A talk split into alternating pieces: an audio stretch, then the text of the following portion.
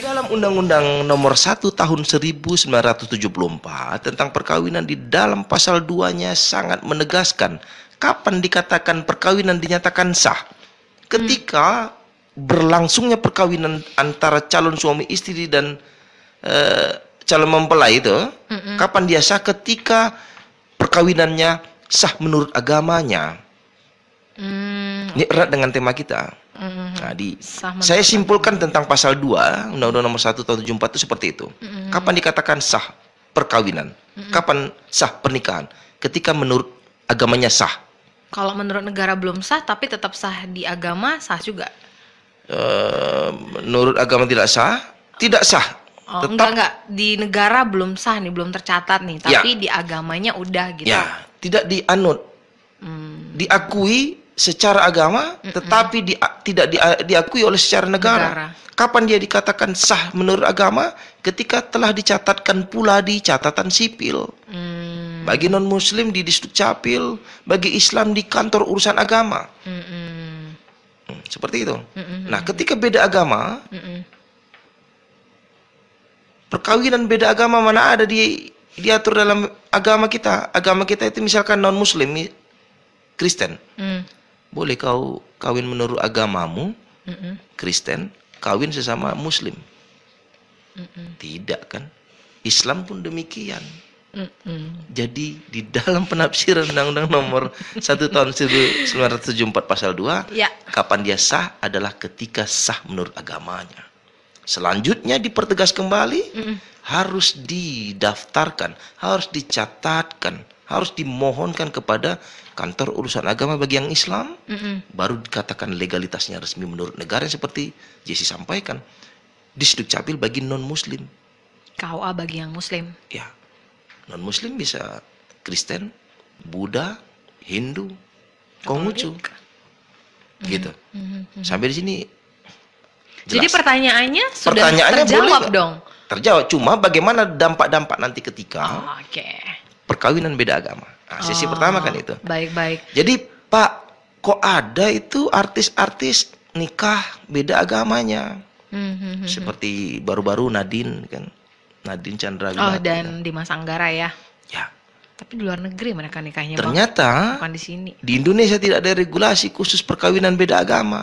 Iya, iya, iya. Dicari negara-negara yang memiliki regulasi. Butan kalau saya nggak salah di Butan. Iya, Hmm. Di mana di mananya simpang kuntu lipat kain itu. Apa sih Myanmar, Filipina sekitar situlah. ya, yang negara melegalkan perkawinan Mhm. ya, tidak hanya beda agama, kalau sesama jenis, ada negara yang memperbolehkan untuk perkawinan sejenis. Tidak melarang bagi warga negara Indonesia untuk kawin di sana. Tidak ada larangan, misalkan misalnya suatu negara A Hmm. melegalkan perkawinan sejenis. Laki sama laki. Hmm. Tidak warga negaranya saja, di negara A saja yang diperbolehkan, warga negara Indonesia pun boleh melangsungkan perkawinan di sana. Makanya orang kadang memilih negara yang melegalkan tentang perkawinan sejenis, yang melegalkan perkawinan beda agama, Iya, iya, iya, iya. melegalkan perkawinan poliandri. Seorang perempuan boleh melebihi dari satu seorang suami. Oke. Di Indonesia tidak mengakui tiga bentuk itu. Hmm. Perkawinan secara ag- se- secara perbedaan agama. Mhm. Kedua, perkawinan sejenis. Ketiga, perkawinan poliandri. Mhm. Gitu tak diakui. Cuma nikah siri Mhm. tidak diakui. Kapan dia diakui? Ketika dimohonkan ke pengadilan agama untuk isbat nikah, permohonan pelegalan perkawinan yang pernah dilangsungkannya secara siri. Agar apa dilegalkan ini isbat nikah itu? Untuk bisa mendapatkan buku kawin, Hmm. ya, Harta warisan. untuk menentukan siapa ahli waris. Hmm. Sebagai penentuankah isbat nikah ini dulu buku kawinnya pernah hilang.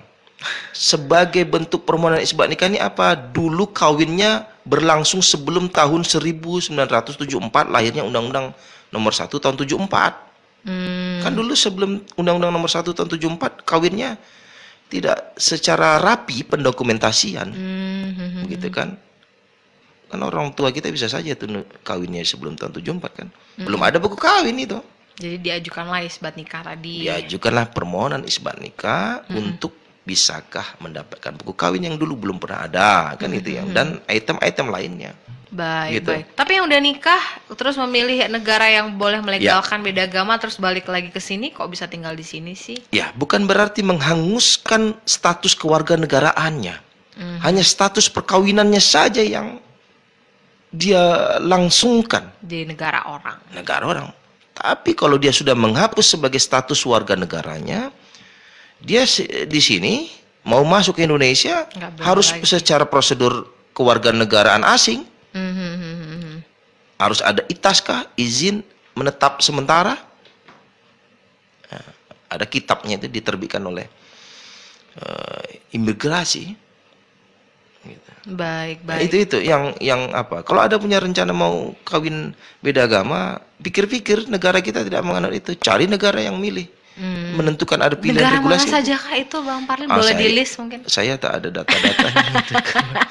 baik, baik. Tapi nanti kita habis ini akan membahas Oke. ya eh, setelah menikah apa saja yang kemudian juga perlu diketahui oleh mitra kota kita, terutama yang untuk beda agama tadi. Benar, Tapi kalau dari tema kita dengan tanda tanya, bolehkah kawin beda agama? tidak boleh di Indonesia.